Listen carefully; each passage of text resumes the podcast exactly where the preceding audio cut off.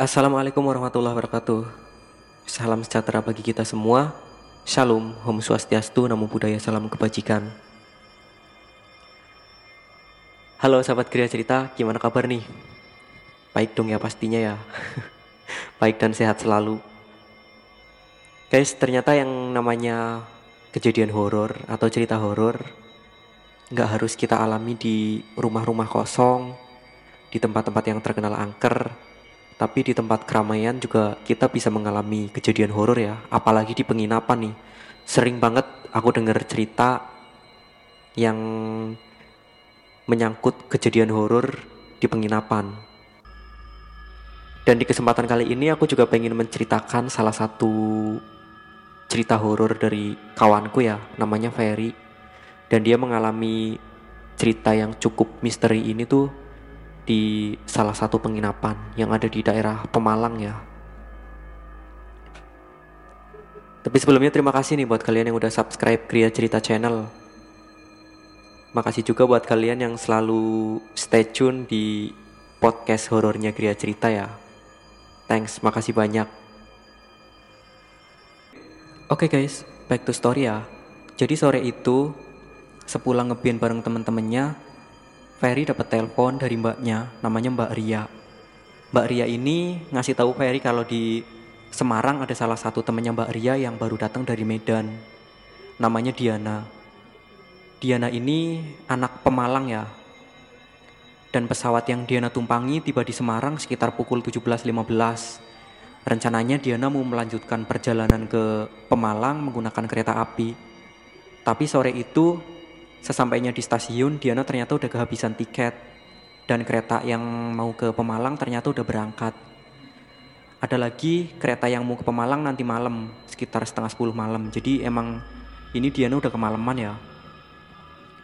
Nah Mbak Ria ini minta tolong sama Ferry buat mengantarkan Diana ke Pemalang berhubung Ferry ngerasa nggak tega akhirnya Ferry mau dong menerima permintaan tolong Mbak Ria dan akhirnya Ferry mengantarkan Diana ke Pemalang menggunakan sepeda motor. Kebetulan perjalanan ke Pemalang dari Semarang tuh cukup jauh ya, melewati alas yang terkenal angker juga, alas Roban. Di daerah Patang ya, dan malam itu kebetulan selama di perjalanan tuh hujan guys. Jadi mereka tuh berkali-kali berteduh ya. Akhirnya mereka tiba di Pemalang tuh sekitar pukul setengah satu malam. Dan si Diana ini nggak tega dong kalau misalnya Ferry harus pulang lagi ke Semarang. Padahal juga posisinya kan masih hujan gitu kan. Akhirnya Diana inisiatif mencarikan tempat penginapan buat Ferry. Setelah muter-muter cari penginapan, ternyata mereka dapat sebuah penginapan ya yang cukup sederhana tapi bersih sih penginapannya. Dan nginaplah Ferry di penginapan itu. Saat pertama kali Ferry membuka pintu kamar penginapan itu sebenarnya Ferry udah ngerasa aneh ya.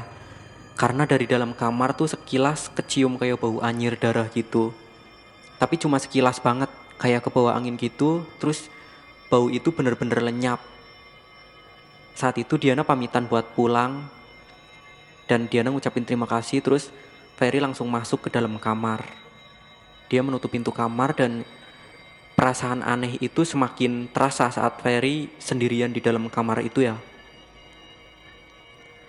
Jadi kamar itu walaupun penginapan sederhana tapi ada AC-nya juga ya. Walaupun ini bukan hotel mewah sekelas hotel mewah tapi disediakan AC juga. Dan kamarnya juga bersih banget. Sebenarnya cukup bagus penginapan ini dan harganya juga cukup murah ya karena Ferry udah ngerasa lelah akhirnya Ferry langsung tiduran kan di atas tempat tidur di kamar itu terus Ferry buka-buka HP sebentar balesin WhatsApp dari Mbak Ria juga Ferry ngabarin kalau dia udah nyampe di Pemalang dan dia nginep di Pemalang gitu kan. Nah saat itu karena emang capek banget, akhirnya Ferry mulai ketiduran nih. Tapi masih setengah tidur, belum bener-bener tidur pules ya. Masih setengah tidur. Nah saat itu Ferry tuh kayak ngeliat ada seorang cewek yang tergantung di atas langit-langit di kamar itu ya. Jadi cewek itu tuh posisinya kayak gantung diri gitu. Tergantung dengan perut yang terburai. Dan saat Ferry mau bangun, Ferry kayak tertindih gitu ya, nggak bisa menggerakkan tubuhnya dan isi perut dari wanita itu tuh usus-ususnya gitu langsung jatuh ke bawah dan tepat menimpa mukanya Ferry. Ferry langsung kaget kan, langsung bangun dan teriak gitu. Astagfirullahaladzim gitu kan. Terus begitu Ferry sadar sepenuhnya, sosok wanita itu udah nggak ada. Ferry semakin yakin kalau wah ada yang nggak beres di kamar ini gitu kan. Saat itu Ferry langsung bangkit dari pembaringannya dan dia baru ingat kalau dia tuh belum sholat isya. Akhirnya Ferry pergi ke kamar mandi karena di kamar itu langsung disediakan kamar mandi juga ya. Ferry pergi ke kamar mandi, ambil wudhu, kemudian dia sholat isya.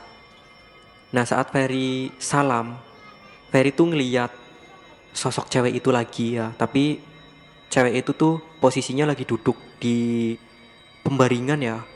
Lagi duduk sambil menguncang-uncangkan kaki dan Ferry bener-bener lihat banget kalau lidah cewek itu tuh terjulur. Tapi saat itu Ferry mengabaikan sosok itu ya. Dia nggak menghiraukan sosok itu. Dia tetap baca istighfar sesudah sholat, kemudian baca doa dan setelah Ferry selesai sholat, sosok itu udah nggak ada lagi. Walaupun setelah sholat sosok itu nggak kembali mengganggu, nggak kembali menampakkan diri lagi, tapi semalaman itu Ferry bener-bener nggak bisa tidur ya. Dan Ferry juga menyadari kalau mungkin di kamar itu emang ada penghuninya dan karena Ferry baru menginap di situ jadi mungkin penghuninya pengen menunjukkan eksistensinya aja gitu ya. Dan paginya Ferry langsung pamitan sama Diana ya buat kembali pulang ke Semarang.